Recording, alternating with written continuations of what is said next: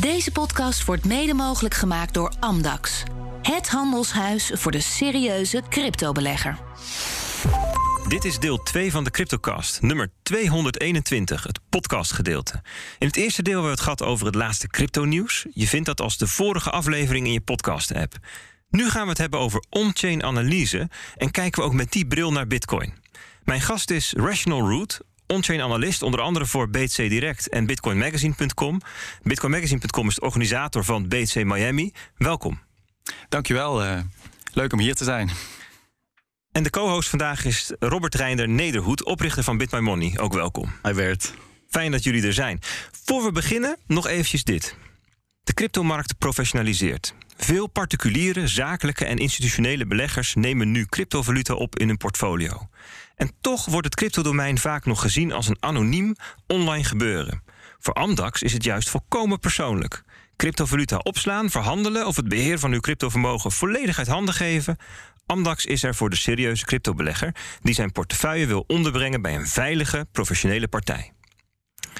Luister je graag naar de Cryptocast? Vergeet dan niet te abonneren. Dan ben je elke week direct, direct op de hoogte van de nieuwste aflevering.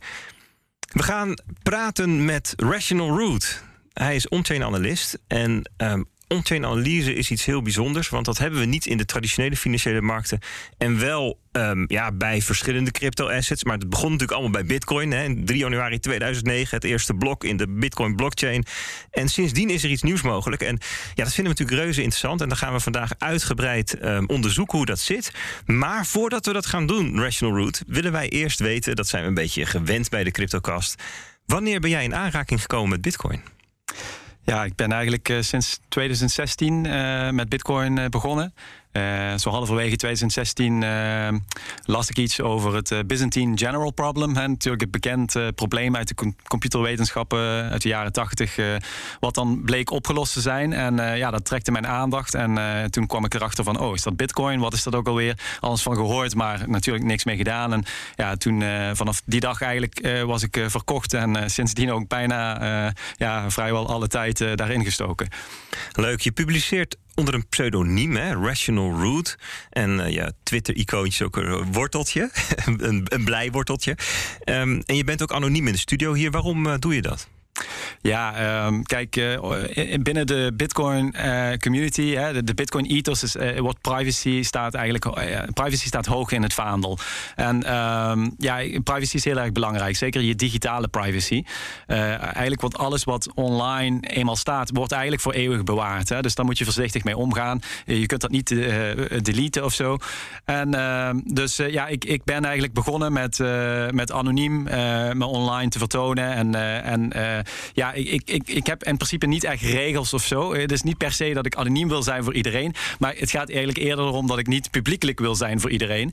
En uh, ja, vandaar dat ik dus anoniem ben. Ik, ik zeg ook nooit dat ik misschien dat ik in de toekomst ooit uh, wel publiekelijk word. Uh, dan, dan zou ik echt moeten afwegen of zo.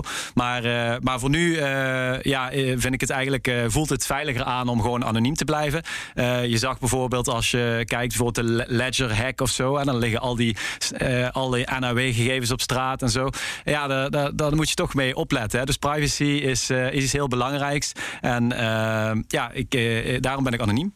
Oké, dat is, dat dus echt persoonlijke veiligheid, hoor ik. Ik, ik. ik hoor ook wel eens van mensen die zeggen: ja, um, het is goed als we ideeën niet, onder, niet vanuit een persoon communiceren, maar vanuit een pseudoniem. Omdat het idee dan beoordeeld wordt op zijn meritus. in plaats van op degene die het zegt. Speelt dat bij jou ook nog een rol? Ja, zeker. Uh, ja, dat, uh, dat, was ik nog vergeten te zeggen net. Maar uh, inderdaad, dus, binnen de Bitcoin community is ook wel. het woord pleb wordt vaak gebruikt. Hè? Dus je bent eigenlijk gewoon een normaal persoon. Hè? Een beetje zelfs minder waardig op de een of andere manier. En het maakt helemaal credentials zijn helemaal niet belangrijk. Je, je, je hoeft niet aan te tonen. Of of je 16 PhD's hebt of zo.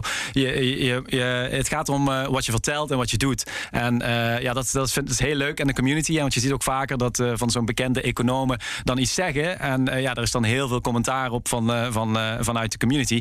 En ja, ik, ik zeg niet dat ik de credentials niet heb, maar het is inderdaad niet van belang voor de ideeën die ik, die ik laat zien. Ja, en je hebt nu wel de erkenning door al die volgers Inderdaad. Het is, een, is toch een beetje een graadmeter van is het onzin? Nou, dan ontvolg je. Is het iets waard? Dan volg je. Ja, klopt. En, en niet alleen dat. Ik merk, ik ben zelf ook wel redelijk. Uh, ik volg het heel nauw, hè, nou, op de huid, zeg maar, de hele on-chain analysewereld. Omdat er ontzettend veel nieuwe ideeën worden geboren, maar ook worden getest. Want je ziet dus dat die on-chain analisten ook elkaars ideeën uh, zeg maar heel agressief te lijf gaan. Niet met als doel om de ander af te fakkelen, maar om te kijken van deugt het idee. Een soort wetenschappelijk eigenlijk. Ja, eigen haast wel. Alleen dan zonder zeg maar, het, uh, zeg maar, het hele lange proces van paper schrijven. Hè? Dus het gaat, het gaat veel vlotter.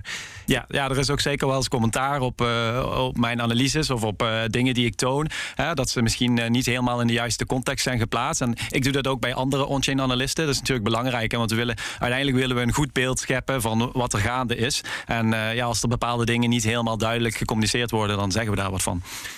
Um, ja, we gaan het niet heel uitgebreid over je credentials hebben, zoals je al zei. Maar we zijn wel even benieuwd naar jouw achtergrond. Hè. Hoe, hoe, hoe ben jij uh, met on-chain analyse in aanraking gekomen en hoe relateert het naar jouw achtergrond? Ja, zoals ik zei, ja, ik ben dus al sinds 2016 uh, in Bitcoin. In het begin was ik heel erg, ja, eigenlijk zag ik me meer als student van Bitcoin. Hè, want in het beginjaren wist je niet veel, voornamelijk uh, luisteren en uh, niet veel spreken. ja, naderhand, op een gegeven moment weet je weet je wel. Hè, na jaren te studeren, fulltime eigenlijk, ja, kom je op een punt dat je ook wat wilt doen voor de community. ja, ik, ben, ik kom eigenlijk meer uit de wetenschappelijke hoek. ja, veel verstand van gedistribueerde systemen. Vandaar ook dat ik Bitcoin eigenlijk vanuit de technische hoek heel goed begreep, al vrij snel. Het macro-economische heb ik zelf nog wat bij moeten spijkeren over al die jaren. En uh, ja, nu uh, ik ook big data analyse voor bedrijven, onderzoeksdata van universiteiten uh, meegewerkt. En ja, het was een beetje een natuurlijk proces om, om bij on-chain analyse erin te rollen. Ja, dat, als, je, als dat je achtergrond is, dan valt dat je op, hè, zoiets dan. denk je, hé, hey, dat, is, dat gaat je aandacht van nature dan naartoe. Ja, leuk. Um, ja, er zijn ook heel veel andere leuke dingen hoor. Maar Bitcoin uh, begint zo groot te worden. Ik bedoel, ik vind het Lightning Network ook heel interessant. Maar uh, ja, je kunt niet alles. Hè? Je, dus, kun, je kunt niet meer een alles specialist zijn. Nee, nee precies. nee, die, die, tijd ligt achter ons. Vertel ons eens, um, als, ik denk dat het goed is ook voor de luisteraar... om helemaal bij het begin te beginnen. Wat is on-chain analyse? Ja, dus uh, on-chain analyse is eigenlijk het analyseren van de Bitcoin blockchain. Hè. Dus we, uh, we hebben de blockchain. Om iedere 10 minuten is er een blok met transacties. Die worden eigenlijk gevalideerd door alle uh, gebruikers van het netwerk. En uit die transacties kun je heel veel informatie halen. En om een beetje misschien een, een schakeling te maken met, huid, met de huidige marktanalyse. Bij de huidige marktanalyse, bijvoorbeeld van aandelen, kijk je naar de prijs en het volume voornamelijk. Hè. Er zijn heel veel indicatoren, allemaal eigenlijk gebaseerd op twee inputs. En dat is, dat is prijs en, en, en volume. Nu doen ze heel veel leuke trucjes met die prijzen. Bijvoorbeeld, kijk, op een dag kun je kijken naar de openingsprijs, naar de uh, sluitingsprijs, hè, naar de high, naar de low uh, van zo'n dag. Dat zijn allemaal leuke technieken uh, om, om hele coole indicators te maken of hele nuttige indicators te maken. maar ja, bij, on, bij on-chain analyse hebben we eigenlijk een compleet nieuw veld van inzichten. Hè. We kunnen eigenlijk letterlijk zien van wat, wat uh, wat doen mensen op de blockchain? Hè? Hoe, hoe, gedragen mensen zich? Hè? Wanneer kopen ze iets aan? Wanneer verkopen ze iets? Hè? Is dit een, een, een, houder van bitcoin die meer op de korte termijn uh, uh, een gedrag heeft van, van korte termijn of, of lange termijn? En zo kunnen we bepaalde klassificaties doen en dat geeft eigenlijk een heel nieuw perspectief op de markt. Je, je kijkt dan naar adressen, zeg maar. Hè? Je ziet, als ik het goed begrijp, want je, ja. ziet, je kunt niet in de beurzen kijken, maar je kan wel zien wat er verstuurd wordt tussen adressen. Ja, het heet eigenlijk UTXO's, hè? dus een, een transaction output is dat. Uh, en uh, ja, daar, daar zie je dus alle transacties in van, van alle gebruikers op de blockchain. Ja, dus het is even voor, voor, de, voor de luisteraar. Hè, het is best wel een ingewikkeld concept. Hè. We kennen natuurlijk het concept van contant geld. Dat zijn briefjes en muntjes. En met een vaste coupure, zeg maar. Je hebt tientjes en twintigjes en vijftigjes. En we kennen het concept van giraal geld. Hè. Dus dat je op je bankrekening een saldo hebt. Nou, daar kan een willekeurig bedrag vanaf. En dat kan dan naar een ander toe gaan. En bij Bitcoin, hè, de, de, um, um, wat Root al zei, UTXO's, de unspent transaction outputs, dat kun je, zou je eigenlijk kunnen zien als um, een briefje van 14. En als je dat besteedt aan iets wat een tientje kost, dan krijgt de ontvanger een briefje van 10 en jij krijgt een briefje van 4 terug. En die bestaan natuurlijk in het fysiek niet, dan heb je vaste coupures. Maar Bitcoin zou je dat zo, zou je het, systeem zo kunnen um, zien. En wat, het, wat je dus in de blockchain ziet, dat zijn dus die. Ja, briefjes bitcoin, hè, die zakjes geld, die dus van, ehm, van de een naar de ander gaan. En dat kun je gaan analyseren. En dan kun je, nou, en dat, dat is wat je net eigenlijk al, al, een beetje op hinten, je kunt gaan klassificeren. Ja, precies. Ja, het is een soort ledger, hè, een, groot boek eigenlijk, eh, waar alle transacties in staan en van wie naar wie dat die gaan. En, eh, en, maar ook, je kunt dan kijken naar de leeftijd van een bepaalde coin. Hè. Dus van, van iedere transactie, dat kan 1 bitcoin zijn of 0,1 of hè, eh, willekeurige hoeveelheid, zoals je net al zei. En dan, dan kun je dus zien van hè, welke leeftijd heeft zo'n coin en hoe gedraagt die zich hè, over, over de loop van tijd. En dat kan ja, hele interessante inzichten geven. Jij kan eigenlijk zien hoe lang dat briefje van 50 al in mijn portemonnee zit, zeg maar. Ja, je, iedereen is natuurlijk anoniem op de, op de blockchain. Maar in principe, ja, mocht ik uh, jouw uh, naam hebben bij een adres, dan, uh, dan, zijn er wel, dan kunnen we wel een beetje tracken. Ja dit soort analyse kan niet bij andere markten, vertelde je al. Wat voor soort extra dingen brengt het ons dan? Wat, wat, wat, kunnen we dan extra leren ten opzichte van alleen maar die technische analyse? Ja, bij technische analyse kijken ze dus alleen naar prijs en volume over het algemeen. Hier kijken we ook dus echt naar uh, hoe, is, hoe is de distributie van Bitcoin. Hè? Dus uh, we zien bijvoorbeeld nu, nu bij, laten we het hebben over het afgelopen jaar. we, we zitten dus nu al in een periode waar, we, ja, waar de prijs eigenlijk flink is gedaald. Maar we zagen ook dat we een beetje dat heel veel distributie zat in die, in die top. Hè? Dus, uh, en, en, en dat is eigenlijk, heb je een beetje, ja, ze noemen dat top-heavy market. Hè? Dus eigenlijk zit er heel veel supply zit in die top, is die aangekocht. En ja, dat is niet zo goed als de prijs daalt. Dan is het logisch dat, dat mensen bijvoorbeeld gaan verkopen. Hè? Dus op, op die manier kan dat inzichten geven over, ja, ook, ook, ook verder hoe, hoe op, op, op welke plek je min of meer in een Bitcoin cycle zit. daar kunnen we misschien straks nog wat verder op ingaan. maar dat, ja, dat geeft geeft gewoon bepaalde inzichten die, uh, die nuttig zijn. Maar ja, mag ik vragen hoor? Dus je zegt het, de top, dan bedoel je een hoge koers, veel distributie. Dus heb je bij een hoge koers had je heel veel kleine transacties naar nieuwe adressen gingen. Moet ik me zo voorstellen? Ja, dus bij, uh, bij bijvoorbeeld, uh, ja, voornamelijk bij de 64K top uh, hadden we heel veel nieuwe, nieuwe adressen. Hè, bijvoorbeeld. Dus je ziet dan dat, die, dat, dat heel veel supply die is aangekocht lager. Die wordt door eigenlijk lange termijnhouders wordt die verkocht. En, en dat zie je dus terug. Hè. Je ziet dus de leeftijd van die coins. Dus heel veel long-term holder supply. Hè. Een ja, supply van lange, lange termijnhouders. Die verkopen dat aan, aan, aan nieuwe nieuwkomers in de markt. En, uh, en ja, dat betekent dat uh, die nieuwkomers zijn natuurlijk wat gevoeliger in, over het algemeen voor volatiliteit. Dus als die prijs een beetje omlaag begint te gaan en je hebt zo'n top-heavy market, ja, dan kun je verwachten dat we, dat we inderdaad nog meer dalen. Ja. Nou, op die manier. Ja, dus als je het hebt over een top-heavy market, dan zeg je eigenlijk van we kunnen um, in, de, in de blockchain kunnen we zien dat een groot gedeelte van alle bitcoins die nu uitstaat, gekocht is tegen een koers die hoger is dan nu. Ja, toch? Precies. Dat is de vertaling naar heel simpel. Ja, ja, Gewoon voor ons als, uh, als leken. Hè. Um, en, en, en dan kan je dus ook bepalen als de koers nu dit is, dan, dan is dat gedeelte van de markt staat op winst of verlies. Ja, precies. En dat geeft hele nuttige inzichten. En nu komen we een beetje bij bijvoorbeeld een bekende indicator, dat is realized price. Uh, hè, dat, uh, dat is eigenlijk uh, de gemiddelde aankoopprijs van, van alle bitcoiners. Hè, dus van alle mensen die bitcoin bezitten. En dat, dat geeft bijvoorbeeld hele nuttige informatie. je ziet dat, dat we in een bear market, en nu zitten we daar eigenlijk ook kort bij. Momenteel staat die op 24.000 dollar. de koers is rond de 30.000 dollar nu. Dus ja, dat, dan, dan zie je dat uh, in, in zo'n bear market kan, uh, kan de kan bitcoin prijs uh, net even zakken onder de realized price. Het kan er net even onder zakken, maar jij zegt eigenlijk um, heel verder onder zien we niet vaak. Nee, uh, dat, dat zien we inderdaad niet vaak. Uh, ik, wat ik eigenlijk nog interessanter vind, is om te kijken naar de korte termijnhouders uh, realized price. dat, of de short-term holder cost basis noem ja, ik dat dus ook wel. Je, je zegt eigenlijk van um, net, de realized price is de, de koers waarop men waarop alle bitcoiners het gemiddeld hebben aangekocht. En je zegt van je kunt die alle bitcoiners kun je ook nog in groepen opdelen. Ja, precies. Doe dat eerst even. Ja, ja je kunt die dus opdelen in korte termijnhouders en lange termijnhouders. Waar we, waarbij we eigenlijk korte termijnhouder, ja, moeten daar een bepaalde tijdspanne aan geven. We pakken daar uh, eigenlijk vijf maanden voor. Omdat als je statistisch kijkt naar in ieder geval de historische data van Bitcoin, zie je dat mensen uh, rond dat punt, hè, als ze langer houden dan vijf maanden, dan, uh, dan, dan is er statistisch een, een, grotere kans dat die, die Bitcoin ja, eigenlijk in een soort van cold storage belandt. Hè, dus minder snel gaat worden uitgegeven.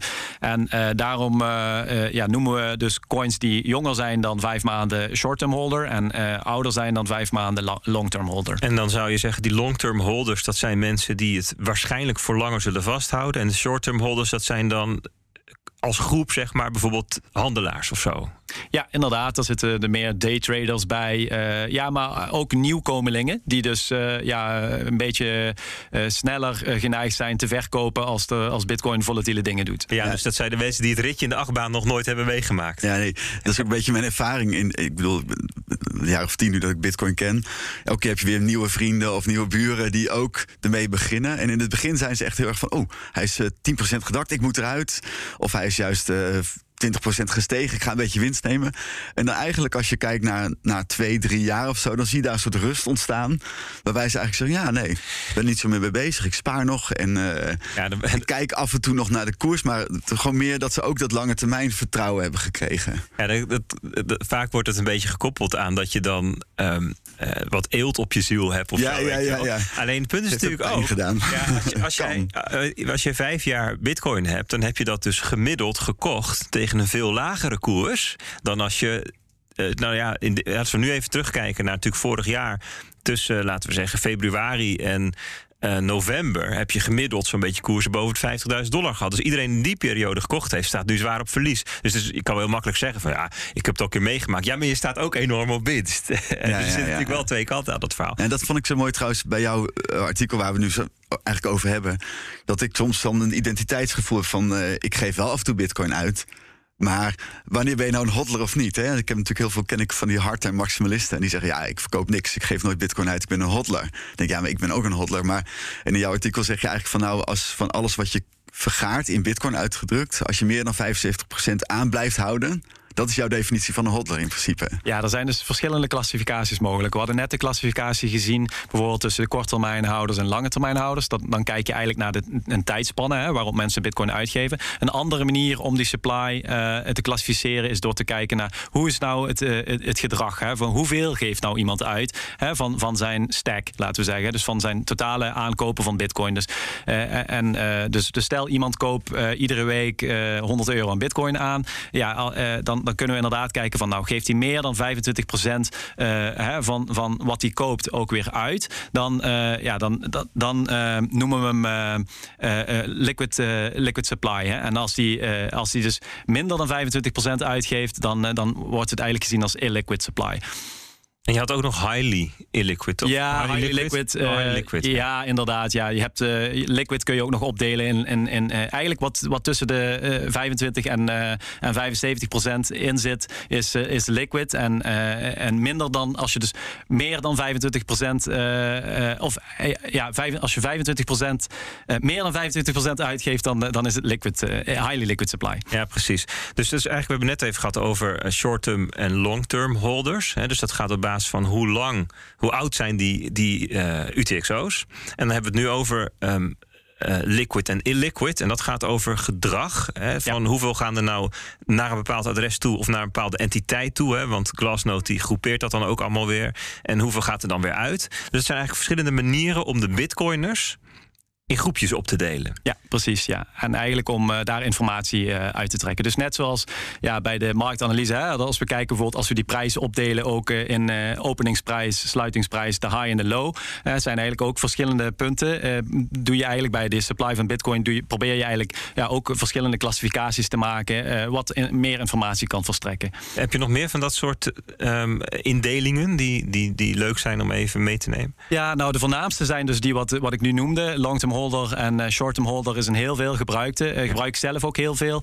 Uh, die liquid en high liquid supply ja, gebruik ik iets minder veel, veel maar is ook zeker, nuttig. Dat zijn, dit zijn eigenlijk de meest bekende twee. Dus. Ik, ik, zie de laatste tijd ook de hodl waves veel langskomen. Omdat men zegt van ja, die vijf maanden cut-off van long-term en short-term... die is nu wat lastiger. Omdat we zeg maar die net, net nu op die grens ook zitten... vanwege dat het nu vijf maanden geleden is dat die piek was en zo. Dus nu kijken kijken eigenlijk naar de, het segment van mensen die tussen de 1 en de 2 jaar zijn ingestapt. Het gedrag van hen. Is dat iets waar je ook mee werkt? Ja, eigenlijk dus die, die long-term en short-term holder is ook eigenlijk, eh, kun je ook zien als, de, als een hodl wave. Hè? Dus uh, een short-term holder is eigenlijk de hodl wave van, van vijf maanden. En, uh, en, en uh, long-term holder zijn de waves wat daarboven liggen.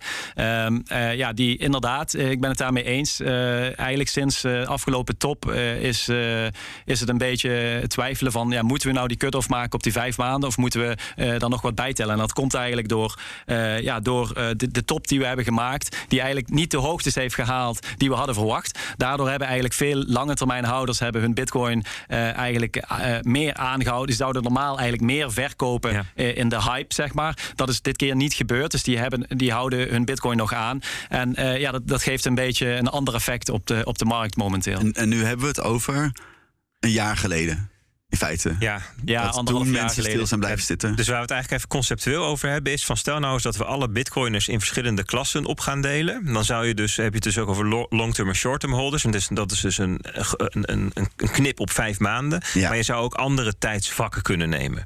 En dat, dat, dat is vanwege hoe de markt is geweest een ja, dan kan dat nuttig zijn. Um, je zou ook nog, ik zie soms um, analisten ook nog kijken naar um, van, he, dat, dat er ook nog exchanges zijn en miners en, en ETF's en dat ze daar ook nog vakjes van maken. Is dat ook iets waar je mee werkt of wat je ziet? Ja, eigenlijk bij de long-term holder en short-term holder uh, supply uh, deel je die ook nog op uh, in exchanges. Dus je hebt eigenlijk exchanges, short-term holder en long-term holder is eigenlijk 100% van de supply. Okay. Mm -hmm.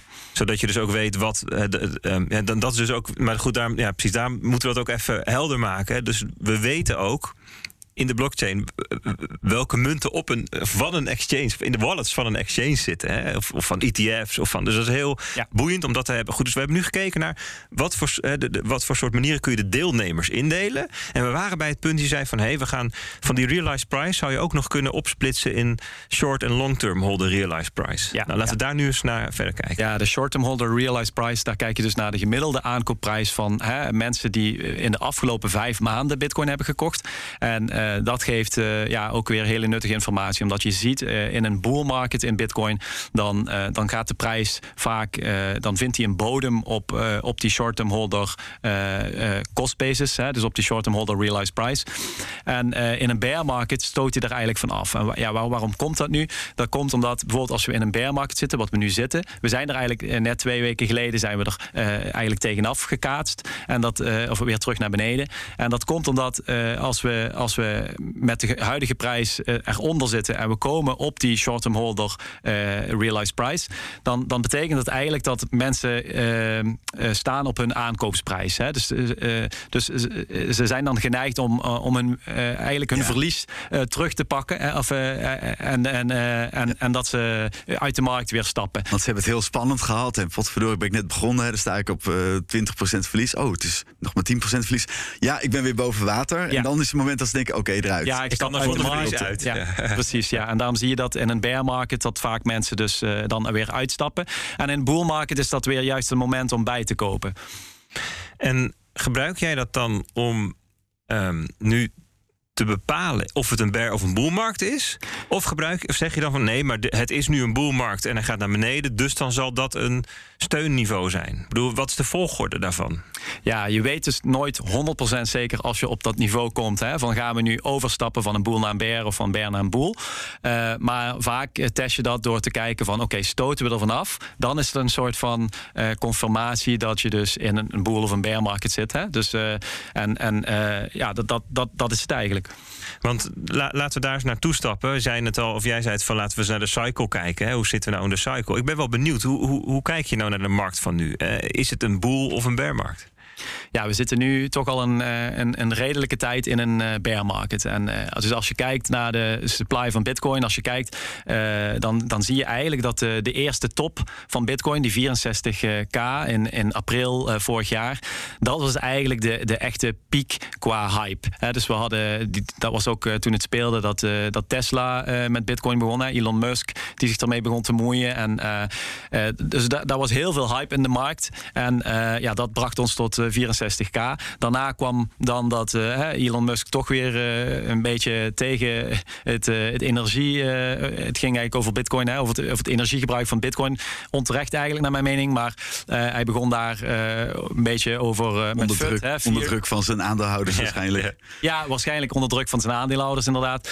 En ja, en toen kregen we ook nog de China mining ban. Hè, dus toen, toen ging de markt natuurlijk, dropte die weer 50%. En toen gingen we ook dus onder die short-term holder price. En eigenlijk daarna zijn we dan nog erboven gekomen naar de 69k. We hebben nog een nieuwe hoogte gemaakt. Maar dat was eigenlijk meer op basis van lange termijnhouders. Dus er waren veel lange termijnhouders die eigenlijk ook verwachten van oh, Bitcoin gaat wel een keer boven die 100k deze cycle. En uh, dat kwam er eigenlijk niet van in die eerste top. En ja, veel hadden dan hoop dat het in de tweede top wel zou gebeuren. Dus die, die hielden hun Bitcoin aan. En, en sowieso is de, is de, zijn de lange termijnhouders die kopen ook wel maandelijks een beetje bij. Maar er was eigenlijk heel weinig, waren er heel weinig uh, tijdens die tweede top. En het, het, was eigenlijk voornamelijk, het werd ook een beetje veroorzaakt door derivaten. Hè, inmiddels is de markt dus een stuk complexer geworden. moeten we ook rekening houden met eigenlijk de macro-economie. En ja, er zijn, omdat we nu ook institutionele partijen hebben. we hebben nu futures options, hè, ETF's. En dus ja, derivaten zorgden voor een soort van liquidaties, waterval. Hè, dat een aantal shorts werden geliquideerd en toen ging die prijs omhoog. En, en, en, en toen zijn we eigenlijk naar die 69k gegaan. Maar dat was eigenlijk voornamelijk op vertrouwen van lange termijn houders. En, en er waren te weinig nieuwe nieuwkomers, waardoor we ook eigenlijk ja, alleen maar tot, tot net een beetje boven die 64k zijn gegaan. En, en, daarna weer terug naar beneden. Maar eigenlijk zou je het kunnen zien als een soort van bear market toen al. Dus je zou eigenlijk even probeert even um, um, uit elkaar te pluizen. Hè, zeggen van een, een, boelmarkt, dat betekent eigenlijk dus een nieuwe periode. Of een periode waarin er een hele grote stroom van nieuwe investeerders, nieuwe beleggers, nieuwe handelaren, nieuwe mensen actief worden.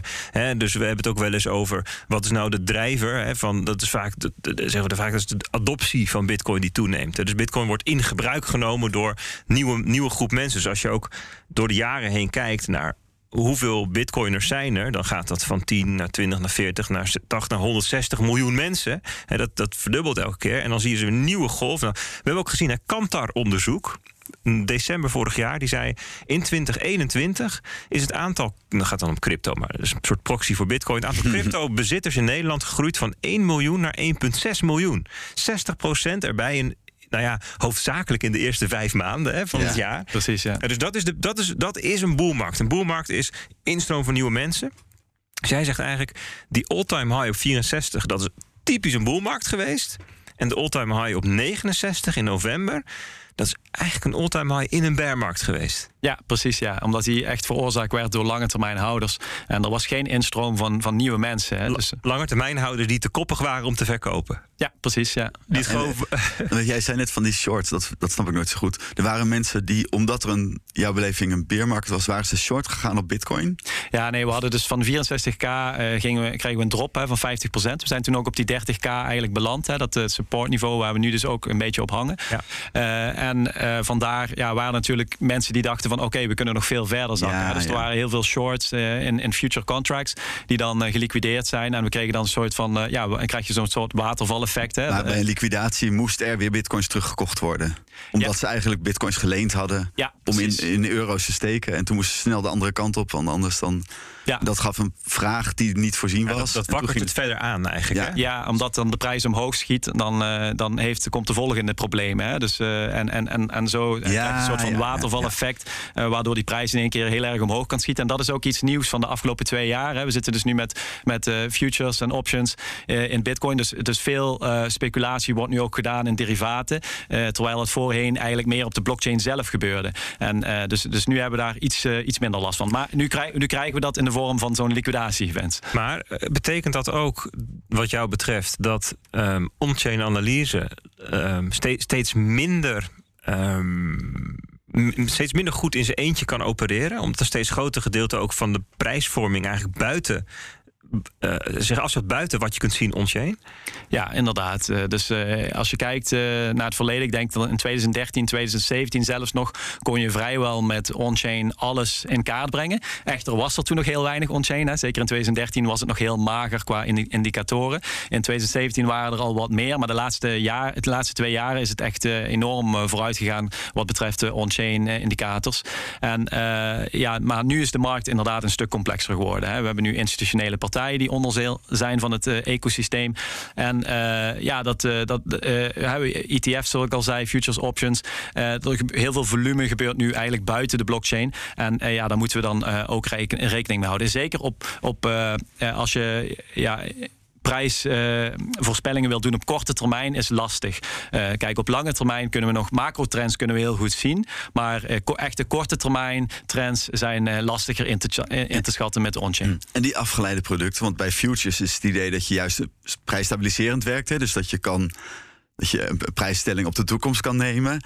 Is het nou dat afgeleide producten dan zorgen voor juist minder fluctuaties in de bitcoin-koers? Of wordt het meer een speelbal voor mensen die eigenlijk van buiten gaan gokken met de koers van Bitcoin. Ja, het probleem ook een beetje omdat die markt toch nog enigszins ongereguleerd is. Hadden Binance heb je bijvoorbeeld uh, kon je uh, eh, 100x eh, doen of zo voor, ja, dus 99% geleend geld, 1% eigen geld. Ja, inderdaad. En dan, dan kun je dus heel snel geliquideerd worden bij een beetje volatiliteit van de Bitcoin-prijs. En kijk, terwijl normaal in, in, in, traditionele beleggingsmarkten zijn, is dat veel lager. Hè? dan praat je over 1 of, of 2x of zo wat je doet. Hè? Dus, en, en dat is dat dus dat, dat is veel gangbaarder. En dus uh, ja, 100x uh, zorgt voor uh, toch nog veel volatiliteit. Ja, precies. Kun je dan als on-chain analist eigenlijk nog wel um, de toekomst in met alleen maar on-chain in je gereedschapskist? Nou ja, ik denk zeker dat, uh, dat nu zeker uh, uh, de macro-economie heel erg belangrijk is. Hè. We hadden net al een beetje gezegd in het, in het radioprogramma dat uh, dat we heel erg moeten letten op wat de Federal Reserve doet. Hè. Bitcoin wordt nu eenmaal gezien als een risicovolle asset. Eigenlijk is het natuurlijk een soort van hedge tegen het huidige systeem. Eigenlijk zou het de oplossing moeten zijn. Maar omdat het zo volatiel is, wordt het nog gezien als een risicovolle asset. Dat is een beetje de fase waar we nu in zitten. En uh, we moeten daarom extra rekening houden met ook uh, ja, wat, wat doet de, de, de huidige beleggingsmarkt bijvoorbeeld. En terwijl ja, we gaan waarschijnlijk ook in de toekomst op een punt komen weer dat, dat Bitcoin daarvan gaat ontkoppelen. En dat we wellicht weer daar minder rekening mee hoeft te houden. Maar, uh, maar op dit moment moeten we daar in ieder geval uh, veel rekening mee houden. En je zegt eigenlijk van nou, we hebben, we, hebben de derivatenmarkt, futures, opties waar je naar kan kijken. Je hebt on-chain, dat is dan je basis. Maar je hebt ook de macro-economische context. Misschien uh, ook echt geopolitiek wat er gebeurt. Hè. Dus, dus een oorlog en zo, dat, dat soort dingen hebben natuurlijk allemaal invloed. Sentiment, is dat ook nog iets waar je naar kijkt op de markt? Ja, uh, ja zeker. Uh, we houden daar ook rekening mee. Maar ja, dat sentiment krijg je ook wel een beetje door, uh, door die eh, macro-economische omstandigheden. Hè. Dus, ze hebben nu heel veel inflatie gehad. Dat zorgt eigenlijk voor, voor mensen die ja, een beetje bullish worden, die willen investeren. Hè. Er is genoeg geld. maar ja, nu komen we dan in een recessie. Hè. De secundaire effecten van, van eigenlijk toch twee jaar te veel geld printen, ja, die komen dan nu. Hè. Dus dan komen, krijgen we een soort van recessieperiode. En dan, dan gaat iedereen risicomijdend zijn. Hè. Dus dan eh, dus dat, eh, dat, eh, dat speelt wel in op het sentiment. En ben je dan een observerende hodler in deze? Of ga je met al die inzichten, ga je dan ook zelf toch muteren in je positie? Nou, ik, ik doe wel een beetje traden op, op lange termijn, maar niet op, op echte korte termijn of zo. Ik ben geen daytrader. Nee, precies. Ja, je, hebt wel eens ehm, mensen die zeggen van ja, vertel me niet wat je Ehm, wat je analyse is, maar vertel me wat je met je oh, portfolio doet. hè? Dat is natuurlijk eh, een soort skin in the game-achtige manier om ernaar te kijken. Nou, en bijvoorbeeld Lynn Elden doet dat. Hè? Die heeft een oh, aantal portfolio's en die publiceert ze dan om dan ja, te laten zien van ja, ik heb niet alleen een mening. maar dit is ook wat, ik, daar, ik ja, wat ik daarmee doe. Maar goed, dat je zegt net zelf, hè, dus on analyse is vooral iets om de lange termijn trends en ontwikkelingen zichtbaar te maken. Dus dat zou ook niet echt geschikt zijn voor echt trading op een termijn van dagen, weken, zelfs maanden misschien niet. Ja, maanden kan wel hoor, uh, maar uh, dagen niet, zeg maar. En uren al helemaal niet. Hè? Dus, uh... Nou ja, als we het dan hebben over, over maanden, mm. waar staan we dan nu in de, in de cyclus? Ja, we zitten dus eigenlijk als je, als je denkt dat, uh, dat dan uh, april uh, 2021 de top was, zitten we eigenlijk al een jaar of anderhalf jaar in, in, in, een soort van bear market. En ehm, ja, dat, dat betekent dat we in het proces zitten van, van een bodem te maken. En ja, heel veel indicatoren on-chain geven ook aan dat we ja, of net de bodem hebben gehad, of dat we er in ieder geval heel kort bij in de buurt zitten. Ehm, en en dat, dat, dat kan bijvoorbeeld nog misschien ik, ik zou eigenlijk denken dat het in, in de komende weken wellicht zou kunnen gebeuren. Dat we nog, nog, nog iets dieper gaan, dat we een echte bodem krijgen. Uh, maar ja, het ligt ook een beetje in dit geval aan, uh, aan de macro-situatie. Dus uh, we zitten als, als, de, als de Fed rentes blijft verhogen en ja, we krijgen echt een officiële recessie. we zitten er nu al eigenlijk in, maar de, de officiële term voor een recessie is volgens mij twee, twee opvolgende maanden negatieve groei in, in GDP. Ja. bruto, wat is het? Bruto belastbaar of bruto binnenlands product. Ja, dus het, bruto Product. het gaat om twee achtereenvolgende kwartalen van economische krimp. Inderdaad. Ja, inderdaad. Ja. En, en uh, ja, lijkt erop dat dat best wel uh, zou kunnen gebeuren. Dus, uh, dus eigenlijk verwacht ik dat het komende half jaar nog de Bitcoin-prijs niet heel veel gaat doen. als we kijken naar, naar die trends. maar dat hoeft niet per se te betekenen dat, dat Bitcoin nog veel lager gaat later dit jaar. we zouden best nu de bodem kunnen maken, maar dan gewoon een beetje nog blijven hangen rond, rond, rond dit punt. Um, en dan later dit jaar weer omhoog. Ja, ik, uh, het is, uh, dat is ook even afwachten. Kijk, uh, dat ligt er, ligt er eigenlijk op dit moment heel erg aan wat de, wat de Federal Reserve gaat doen. Hè? Dus als zij op een punt komen dat ze toch niet meer rentes gaan verhogen omdat de economie, ja, omdat het niet goed gaat met de economie, dan dat we echt recessieachtige dingen krijgen, dan, ja, dan als, de, als de Federal Reserve eigenlijk gaat stoppen met die verhogingen, wat ze eigenlijk niet van plan zijn nu, maar dat, dat zou eigenlijk wel op zich een positief teken zijn voor Bitcoin. dan, dan zou het ook heel goed kunnen dat, uh, dat Bitcoin de bodem dan echt heeft gehad. Je, je, als je kijkt naar de traditionele financiële markten, de aandelenmarkten bijvoorbeeld, dan zie je dat de SP 500 nu zo'n 20% iets meer gedaald is ten opzichte van uh, het, het, de top vorig jaar november, geloof ik. En de Nasdaq, de tech-index, iets op 30% iets die kant op. Mm -hmm. En dan zeggen analisten van, nou ja, stel dat we nou echt een crisis krijgen ja, dan kan dat maar zo nog eens um, twee keer zoveel worden, die daling. Dus in plaats van 20 naar 40 procent. Um, en als je gaat kijken naar de correlaties tussen Bitcoin-koers en de Nasdaq, doen we natuurlijk vaak, worden vaak op elkaar gelegd. Dan zie je van nou, Bitcoin, dus waar de Nasdaq eh, laten we zeggen 25% daalt, da daalt Bitcoin 50 of 60%. Uh, stel nou dat, dat, dat die correlatie blijft en Bitcoin zou nog een keer halveren nu. Ja, je, heel uit, is, kan dat niet wat jou betreft? Of, hoe, eh? ja, je, je zei net al hè, dat uh, bijvoorbeeld uh, verschillende aandelen toch verder waren gezakt, terwijl Bitcoin een beetje op deze prijs bleef hangen. Dus dat, dat, dat kan ook. Hè. Dus uh, dat hoeft niet per se te gebeuren. Ik denk, kijk, Bitcoin, je kunt het ook een beetje zien als een soort van drukveer of zo, die je dus indrukt hè, met allemaal angst die er in de markt speelt. Maar op een gegeven moment kun je niet meer verder indrukken. Hè. Dan hebben we het gehad en dan, dan hebben we een echte bodem. En ik denk dat we daar dus kort bij zitten. En, en ik denk toch nog dat on-chain analyse nuttig is. Want als je kijkt naar het verleden, uh, in, in zo'n bear market bijvoorbeeld van 2018 of in de bear market van 2014, um, ehm, ja, daar hadden we ook, hè, ook die prijs dat die onder de realized price kwam, hè, op, op de echte bodem van de bear market. En uh, op, op dat moment dachten mensen ook echt van, ja, Bitcoin is dood. Hè, het gaat, mm -hmm. dit, dit wordt niks meer. En ja, nu, nu denken eigenlijk mensen voornamelijk van, ja, we zitten in een recessie, tijdelijk gaat het slecht. Hè, misschien gaat het een half jaar slecht, dan gaat het daarna weer wat beter. Maar dat is toch, waarschijnlijk is dat minder eng dan echt denken van ja, het gaat, het gaat helemaal niks meer worden. Hè? Dus, dus, dus, je zegt eigenlijk het moet nog een stuk erger worden. We moeten nog op het punt komen dat, dat, dat zelfs overtuigde bitcoiners zeggen... nou, dit wordt helemaal niks meer. Ja, ik denk dat uh, wellicht komen we daar dus niet. Want ik denk dat bitcoiners over het algemeen nu uh, toch best veel geduld hebben. Hè, ik denk, uh, iedereen is zich bewust van de slechte macro-economische omstandigheden. Maar omdat we dus nog, hè, dat, kan, dat kan zeker nog een half jaar aanslepen. maar ik denk niet dat mensen geen vertrouwen meer hebben in bitcoin. Dat het, ooit, dat het helemaal niks meer gaat worden. Ja, en wat we nu ook zien ontwikkelen is dat eigenlijk de euro en de dollar en al die fiatmunten aantonen dat ze kraken, dat ze, dat ze scheuren. En Precies, ik denk dat het vertrouwen in Bitcoin eigenlijk uh, ja, groter is dan, dan ooit tevoren. Ja, want we doen allemaal analyses, maar uiteindelijk moeten we teruggaan. Want ik ben helemaal geen analist. Ik doe helemaal niks met al, alles waar we nu over gehad hebben. Ik ben gewoon een believer. Geld van de toekomst. En ik denk dat steeds meer mensen zien van... oké, dus de regels van Bitcoin zijn super transparant. Er komen elk jaar zo voorbij. Dat worden steeds minder die erbij komen. Uiteindelijk komen we daaruit. En dan zet je er tegenover al die berichtgeving die er nu is over zoveel... nou, wat jij zei, 25% van alle dollars erbij in twee jaar. Inflatie dit en dat. En de vastgoed gaat natuurlijk straks ja, ook onzeker worden. Hè? En aandelen gaan onzeker worden. Dus dan komt er heel veel mensen die gaan uitstappen uit die assetcategorie. Zitten ze met heel veel geld. Waar, waar scheuren in zitten. En dan is daar zeg maar dat pareltje eh, van innovatie, de uitvinding van deze eeuw. Bitcoin, waar je gewoon in kan stappen en gewoon je geld kan laten staan en uh, mooie analyse over kan doen. Ja, dat is natuurlijk een meer een fundamentele beschouwing. hè? Mhm. Dus dat je, dat je meer kijkt naar wat is het nu eigenlijk hè, waar ik instap. Dus natuurlijk nog weer een hele andere kant van analyse.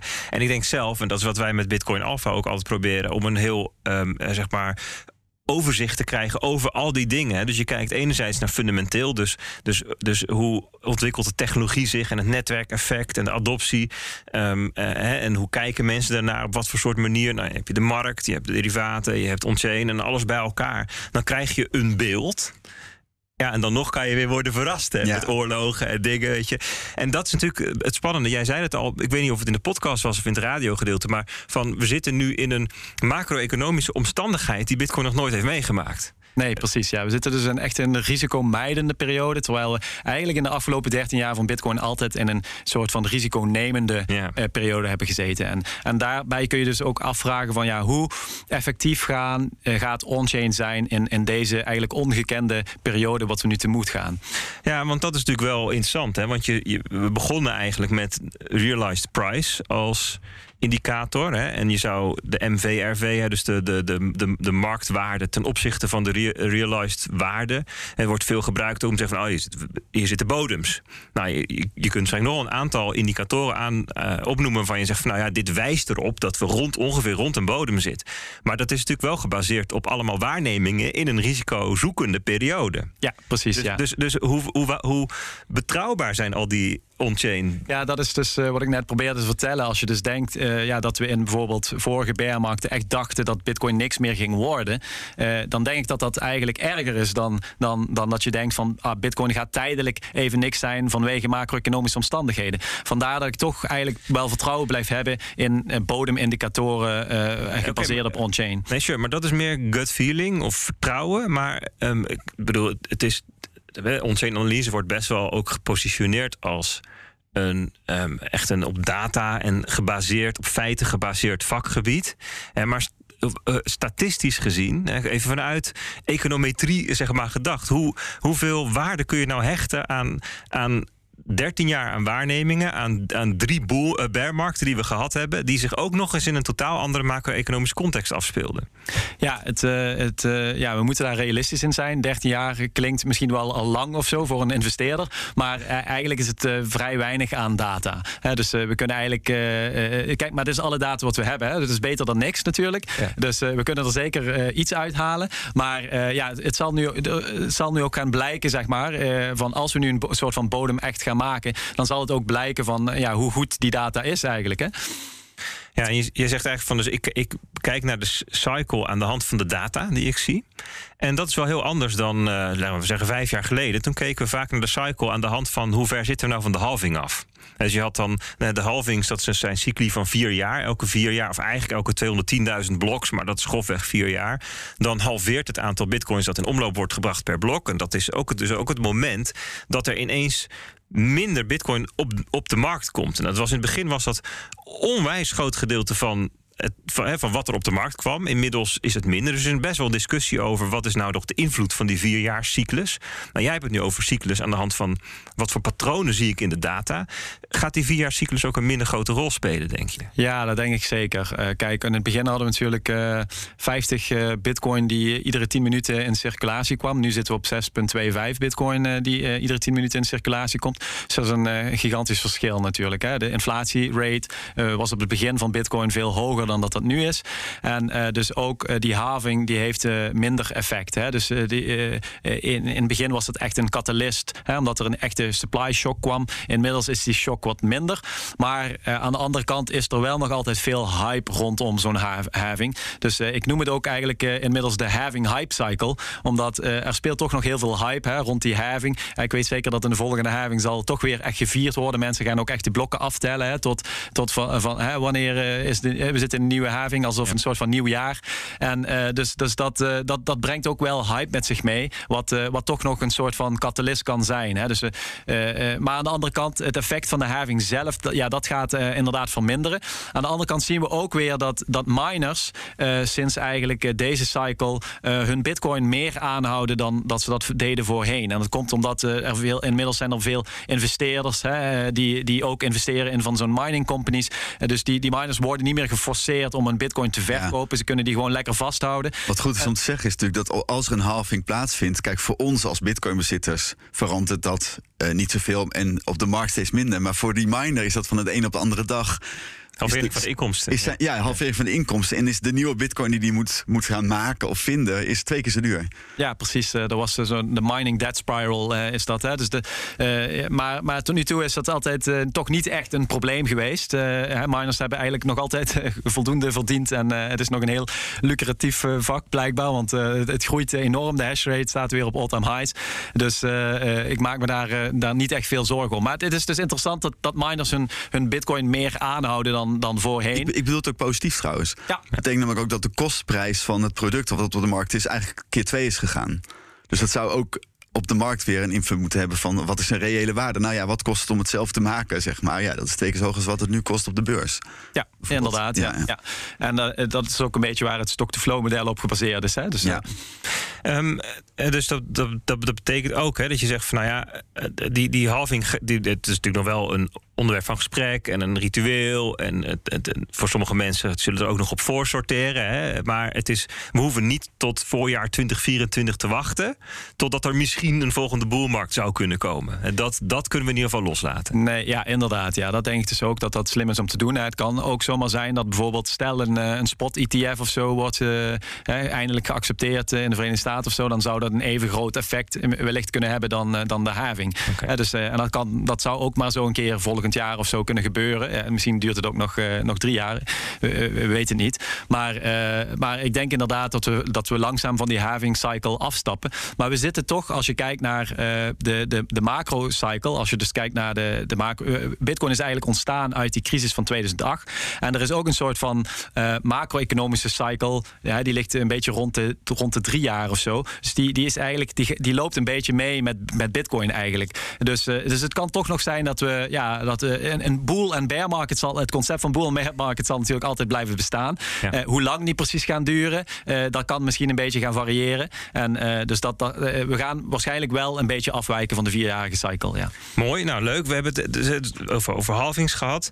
Um, met halvings worden de, het aantal bitcoins wordt, wordt minder wat op de markt komt. Um, en daar heb jij nog een, je hebt nog een ander soort model gemaakt. Hè? Wat, wat, wat eigenlijk gaat over de beschikbaarheid van bitcoin. Zeg maar, hoeveel is er nou eigenlijk te koop? Hè? Want bedoel, het is een beetje hoe het werkt op een marktplaats. Als er heel weinig te koop is, dan gaan mensen meer bieden. Hè? Dat is natuurlijk uh, hoe het ook werkt bijvoorbeeld met Playstations en zo. Die worden niet meer geleverd. Nou, dan ineens zijn ze, dan kan, je, kan je er heel veel geld voor vragen op marktplaats. Um, het hodl-model.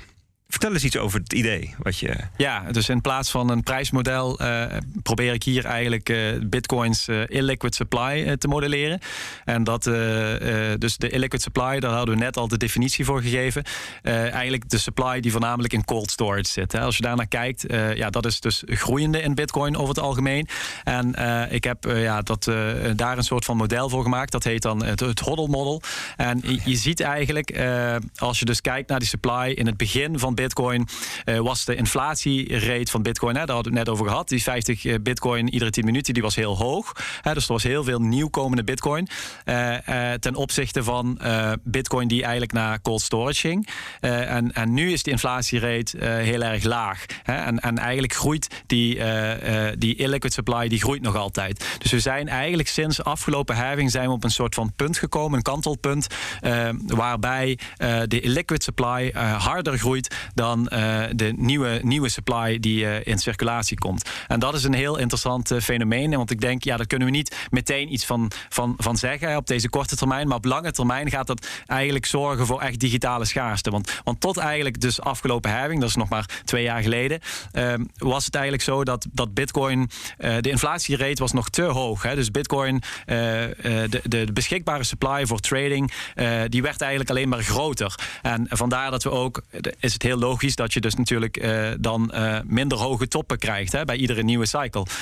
maar vanaf deze derde having gaat eigenlijk gaat, ja, ongeveer rond de derde having gaat die supply is die weer, gaat, neemt die dus harder toe dan dat er nieuwe supply bij komt. Wat dus eigenlijk gaat zorgen voor ja, echt digitale schaarste. Dus ik denk dat we dat in de komende, ja, misschien vijf à tien jaar gaan we dat waarschijnlijk merken. Maar ik wil jou, jou, jou zeg maar. Um, aanname of hypothese even challengen. Die illiquid supply, wordt die niet razendsnel liquid zodra we bijvoorbeeld 100.000 of 300.000 dollar of noem eens een, een belangrijk punt wat mensen in hun hoofd hebben passeren? Nee, dat toch niet. Uh, als je kijkt uh, naar de geschiedenis van Bitcoin, dat uh, ook, kijk, long-term holders, die lange termijn houders, die, die verkopen, hè, of, of, of, mensen die dus Bitcoin in cold storage hebben, die, die verkopen hun Bitcoin normaal gezien in, in, in nieuwe hype. Hè. Dus als nieuwe hype komt en die prijs stijgt gigantisch, dan, dan, dan verkopen ze een deel van die Bitcoin, maar, maar niet hun hele stack. Hè. meesten geloven toch op lange termijn in Bitcoin en, en houden het, het hoogste percentage van hun Bitcoin aan. Dus je ziet, als je kijkt naar de geschiedenis van hè, liquid supply binnen Bitcoin, zie je inderdaad wel af en toe een shock. Hè? Dus als we in zo'n bull market terechtkomen, dan zie je hè, dat, dat die illiquid supply even wat naar beneden gaat. En dat is, dat is ook logisch. Uh, maar daarna stijgt die. En eigenlijk ja, is die, stijgt die nu harder dan ooit tevoren. En uh, ja, ik denk dat dat, dat zich blijft. dus ik denk dat dit, dit ja, een hoddelmodel is eigenlijk een conservatief model om, die, om, om die illiquid supply te voorspellen naar de toekomst toe. Dit, is ook, dit is ook een stukje psychologie. Hè?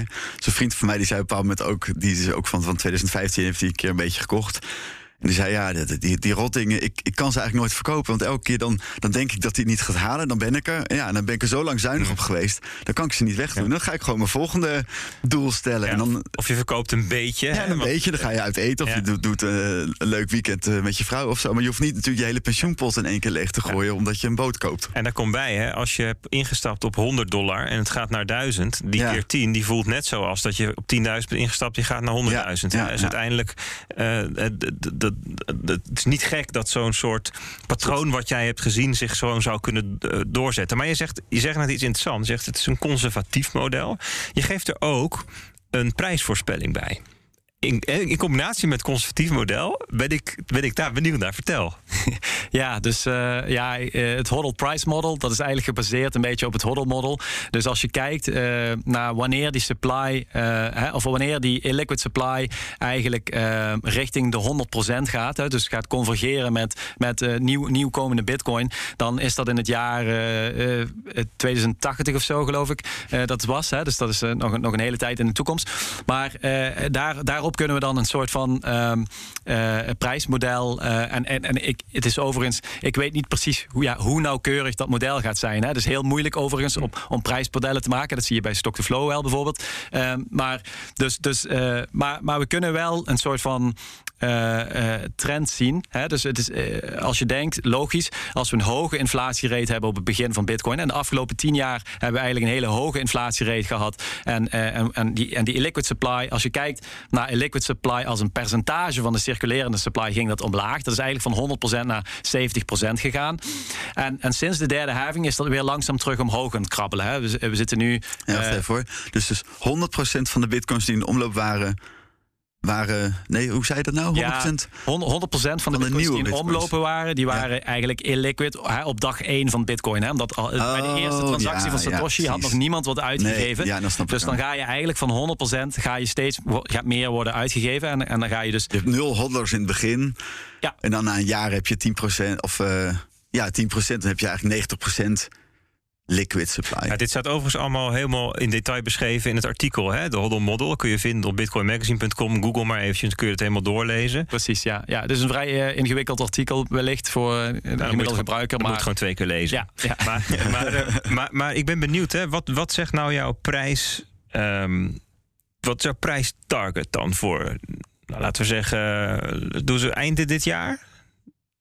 Laten we daar eens mee beginnen. Ja, einde dit jaar uh, valt nog mee. Dus uh, we zitten uh, aan het einde van het jaar, laten we zeggen tegen de vierde having toe, gaat dat eigenlijk pas, de gemiddelde prijs van het model gaat dan pas boven de 100k. Oké, okay, dat dus, is begin 2024. Ja. Een beetje. Ja, nu inderdaad. Je hebt wel al iets voor over, over zes maanden. Nu, nu, zitten, we, nu zitten we eigenlijk uh, vrijwel op, het, op de modelprijs. Okay. Dus uh, ja. Dit, ja. Is, dit, dit, zeg maar, jouw model Um, verwacht ongeveer iets rondom de huidige koersen, zou je kunnen zeggen. Ja, dus uh, kijk, de, de, die prijs die fluctueert natuurlijk boven en uh, beneden dat uh, prijsmodel. Hè, en ik kijk dan in, in, in standaard deviaties. maar nu zitten we eigenlijk vrijwel op, het, op de modelprijs. Maar ja, inderdaad, over, tegen de vierde having zouden we dan pas over de 100k gaan. En dat is februari 2024 ja. ongeveer. Dat, dat betekent ook één standaard deviatie afwijking naar beneden. Dan zou het nog een heel eind naar beneden kunnen. Inderdaad, ja, ja, ja, dat is een redelijk verschil. Uh, maar uh, uh, ja, toch geeft het een, een soort van indicatie. Hè. Maar dit is niet een model dat heel snel populair wordt. Want dan moet je toch echt met veel hogere targets komen. Ja, nee, nee. Ik, Root. Over acht jaar staat hij op een miljoen, toch? Dat had ik gelezen. Ja, inderdaad. Ja. Over, dat, dat gaat dan snel. Kijk, dus aan de ene kant, kijk, om, misschien kan ik dat nog een beetje verduidelijken.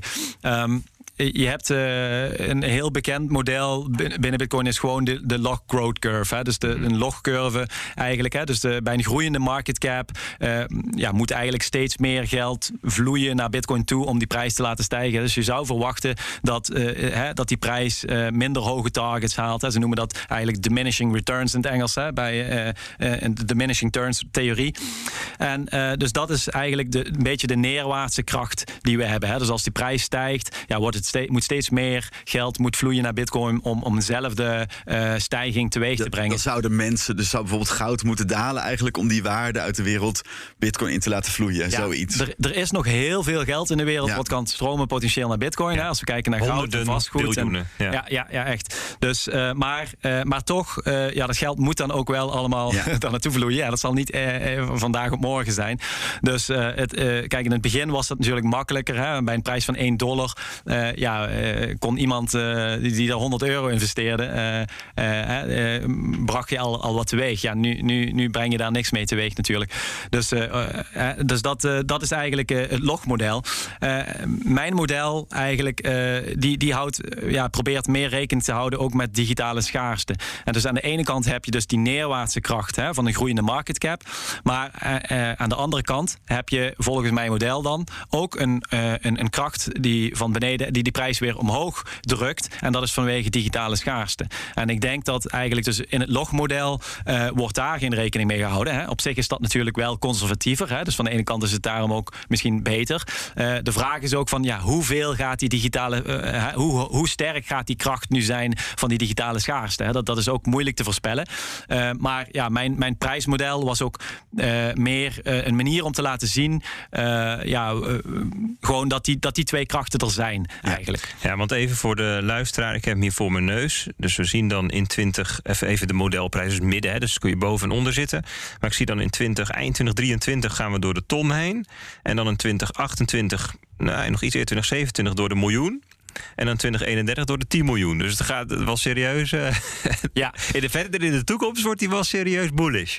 Ja, inderdaad. Ja. En uh, ja, dat, dat, dat, uh, dat is. Uh, ja, hier ga je eigenlijk een, een beetje in een lineaire lijn ga je omhoog. Terwijl bij het logmodel zou je steeds afcurven. Hè. Dus, dus het is inderdaad op lange termijn bullish. Maar ik verwacht ook dat de Bitcoin-prijs gaat natuurlijk. Kijk, wat, wat is de dollar nog waard op dat moment? Hè? Dus als we naar 10 miljoen okay. gaan per Bitcoin, dan komt dat dan omdat de Bitcoin-prijs ja, zo gestegen okay. is. Of omdat de dollar zo is gedaald. Hè? Dus op een gegeven moment komen we natuurlijk ook op dat punt dat je helemaal niet meer in dollars kunt rekenen. Hè? Dat we in Bitcoin moeten gaan rekenen. Dus, uh, dus dit, dit, model dit geldt ook maar totdat we een soort van in, in hyper-bitcoinization komen. Hè? Dus ja, 10, 10 miljoen dollar. Als dat tegen de huidige dollar zou zijn, dan heb je dus over een market cap van 210 biljoen. Dan zit je op een, een kwart van het totale um, vermogen in de wereld. Dus dan kom je wel, dan zit je wel in hyper-bitcoinization scenario. Ja, ik verwacht voor, voordat we op die prijzen komen dat, uh, dat de inflatie nog wel. Uh, Precies. dus jouw model voorspelt eigenlijk ook nog wel wat ellende. Hè? Dat is natuurlijk altijd de andere kant van de medaille bij dit soort zaken. Goed, um, we, ga, we, gaan ook richting een afronding. En voordat we dat gaan doen, ben ik nog wel benieuwd. Hè, want we, hebben het ook al een beetje gehad over um, uh, dat er heel veel anal analisten zijn, analyses en um, modellen die ook weer gefalsificeerd worden. En dat blijkt niet te kloppen, of, of, of, of doorontwikkeling van kennis. veel ruis. En de kunst is dan om het signaal te vinden in de ruis. Hè? Misschien de, speld in, het, in de hooiberg. Wie, wie zouden we volgens jou moeten volgen? Moeten we in de gaten houden? Ja, dat is een, een goede vraag. Je, noemt jou natuurlijk. Hè, ja, jij ook, eh, Bert Slachter. dus uh, uh, ja, ik denk, uh, kijk, ja, je kunt de, wo de wortel volgen hè, aan, aan de stok. ja. nee, ja, op Twitter is het natuurlijk heel handig. Hè. Je kunt, als, je, als je mij volgt, kun je ook naar, kijken naar wie ik volg, bijvoorbeeld. Dus dat is misschien een goede manier om, om, te, om daarna te kijken. je noemde net al bijvoorbeeld Lynn Alden. ja, zij is fantastisch. Ze doet heel goed werk. ik volg haar ook op de voet. Uh, ja, zo zijn er zeker, als je meer van on-chain wilt weten. Ja, ik, uh, ik zit inmiddels in de, in de top 10 uh, eh, on-chain, denk ik, wereldwijd. Dus dat is, dat is een goed begin.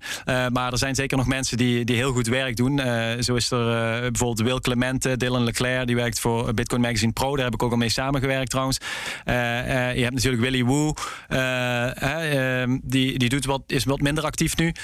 maar ja, dat, dat, aan de andere kant voor, voor macro-economie volg ik heel graag uh, Preston Fish. Hij heeft ook uh, een hele goede podcast. Uh, en Lynn Alden, zoals je al net al zei. Dus ja, dat zijn toch al top. Ik, ja, ik ben redelijk Bitcoin maximalistisch.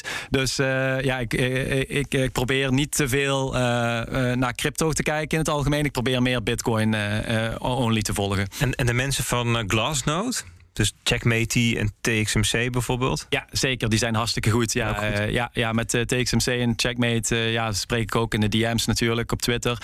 En ja, ik gebruik voor hoofdzakelijk Glassnode data nu. dus ja, nee, Checkmate is, een, is, is heel goed om te volgen. Hij is ook heel kritisch. Dus dat is ja, heel goed. Ja, dus um, je zou, ik geloof dat Glassnode elke maandag een, een soort nieuwsbrief, een soort weekanalyse doet. Hè? Glassnode Insight. Dus dat is een interessante Bitcoin Magazine Pro kun je ook op abonneren. Jij brengt je analyse dan bij BTC Direct uit. Hè? Elke Um, elke vrijdag normaal gesproken, ja. En dan moet je, die, die kun je bekijken als je daar uh, een account hebt, toch? Ja, je hoeft alleen een account aan te maken en dan kun je het volledige artikel lezen, ja. Ik heb nog een vraag, Bert. Ja. Kan het nog? Ja, tuurlijk. Ja. Even. ik zit, het, het gaat natuurlijk allemaal over die on analyse met, met prijzen. En, uh, maar ik dacht ook qua adoptie. Hè, dus El Salvador heeft nu Bitcoin geadopteerd al een jaar geleden. Um, kun je nou ook on-chain nog zien of bijvoorbeeld activiteit in, in uh, Afrika toeneemt, of dat de activiteit juist in Zuid-Amerika toeneemt? Om ook weer als basis voor adoptie in te, uh, ja, ik, ik, heb me niet specifiek uh, gericht op uh, Afrika, maar uh, ik kijk wel naar inter, intercontinentale flows. Um, inmiddels is die data ook op, op Glassnode beschikbaar, maar eigenlijk een beetje in dezelfde vorm als dat ik hem al ook had. Um, ik kijk eigenlijk naar, naar gewoon naar de tijdzones. Hè. Dus je ziet van wat zijn de oh, werkuren van Azië, wat zijn de werkuren van Europa. Je zit Europa natuurlijk een beetje op dezelfde schaal met, met Afrika, dus dat is wat lastiger in te schatten. En Amerika ook weer met Zuid-Amerika. Met Zuid dus dat, dat is wat lastiger in te schatten. Maar... Ja, dus er is wel een partij die hier heel veel um, um, energie in steekt. Dat is Chainalysis. Mm -hmm. Chainalysis is eigenlijk natuurlijk ook een soort on-chain analist. hè? Maar, dan, uh, maar dan met als doel een soort forensisch motief. Namelijk kijken van, zijn uh, um, transacties betrokken geweest bij, bij illegale of criminele activiteit. Maar zij brengen elk jaar een de Geography of Cryptocurrency Report uit. De vorige was in september 2021. En daarin staat de Global Crypto Adoption Index. Kijk, dat is interessant. Ja, dus zij kijken naar welke landen en zij filteren dan um, bijvoorbeeld alle activiteit die te maken heeft met beleggen en speculeren eruit. En wat ze overhouden, dat is dan zeg maar on-chain patronen die horen bij sparen en betalen. Dus het gaat over het echte gebruik. Nou, en dan in die top 20 staat op nummertje 8 staat de Verenigde Staten. En verder staat er geen enkel Westers-Europees land in die hele top 20. Er komen landen tegen als Pakistan en uh, Maleisië en, en, en El Salvador en Oekraïne en Rusland. Dat is allemaal dat is heel interessant, omdat je dan dus ziet dat het feitelijk gebruik um, van Bitcoin, en dus mensen die Bitcoin in gebruik nemen als alternatief voor wat ze lokaal voorhanden hebben, namelijk een falend geldsysteem of een dictator die meekijkt, dat zijn niet de landen als Nederland. Maar goed, dat is natuurlijk een heel andere uithoek van, van on-chain analyse, zou je ja, dat, Je zag het ook natuurlijk aan de lijst van uh, El Salvador had nu pas uh, toch uh, de meet-up voor, voor landen. 44 landen. Er waren 44 landen. Als je die lijst zag, dan, ja, dan waren ook allemaal dat soort landen. Hè? Dus de, Klopt. Nou goed, leuke aanvulling nog, Robert Rijn. Even als laatste um, idee van wat kun je allemaal in die uh, uh, zeg maar blockchain data ehm, vinden. Maar goed, dat is een heel, heel anders. Meer een soort van kwalitatieve analyse dan wat jij dus meer kwantitatief. Hè? Dus de verschillende flows van verschillende actoren um, in kaart brengen. Ik vond het ontzettend leuk. Ik vond het heel leuk ook om met elkaar even nou ja, vanaf de basis op te bouwen van wat doen we nou eigenlijk met on-chain analyse. Um, ik hoop dat, dat, dat, jullie als luisteraars ook iets beter beeld bij hebben gekregen. Nou, we hebben al een aantal aanbevelingen um, uh, gegeven van wat je kunt, kunt lezen. Geef, geef de luister nog even waar ze jou kunnen vinden op Twitter. Ja, ik ben dus de, de Rational Root op Twitter. Uh, een uh, oranje worteltje. Een oranje worteltje. Nou, ga het worteltje volgen. Um, wij, gaan, uh, wij gaan afronden. Um, en dat betekent tijd om um, de volgende CryptoCast in je agenda te zetten. Volgende week dan hebben we een gesprek met Jeroen Blokland oprichter van True Insights en voorheen actief bij vermogensbeheerder Robeco. Wij kennen hem uit die tijd. Toen ging hij analyseren van hoeveel procent bitcoin moet je nou in je portefeuille hebben. Um, en, eh, is dat 0 of 1 of 2 of weet je wel. En toen kwam die erop uit dat eigenlijk um, 2,5% nog, nog beter was dan al het andere wat ze geprobeerd hadden. Dat was toen best wel opzienbarend. En met hem gaan we, gaan we praten over um, de rol van bitcoin in een professioneel portfolio. De co-host ben ik dan, Bert Slachter. Um, het wordt dan gepresenteerd door Herbert Blankstein, die is weer terug. Vond je deze aflevering leuk? Vergeet hem niet te delen met je volgers op Twitter en gebruik dan de mention at CryptoCastNL. Reviews achterlaten op Apple Podcasts natuurlijk. Of op Spotify hè, kun je ook vijf sterren geven en vertellen hoe tof je het vond. Um, dat helpt namelijk om anderen de podcast beter uh, te laten vinden. Kom je in top tientjes terecht en dat soort dingen. Like, subscribe, comment op YouTube. Dank je wel en tot volgende week. Deze podcast wordt mede mogelijk gemaakt door Amdax. Het handelshuis voor de serieuze cryptobelegger.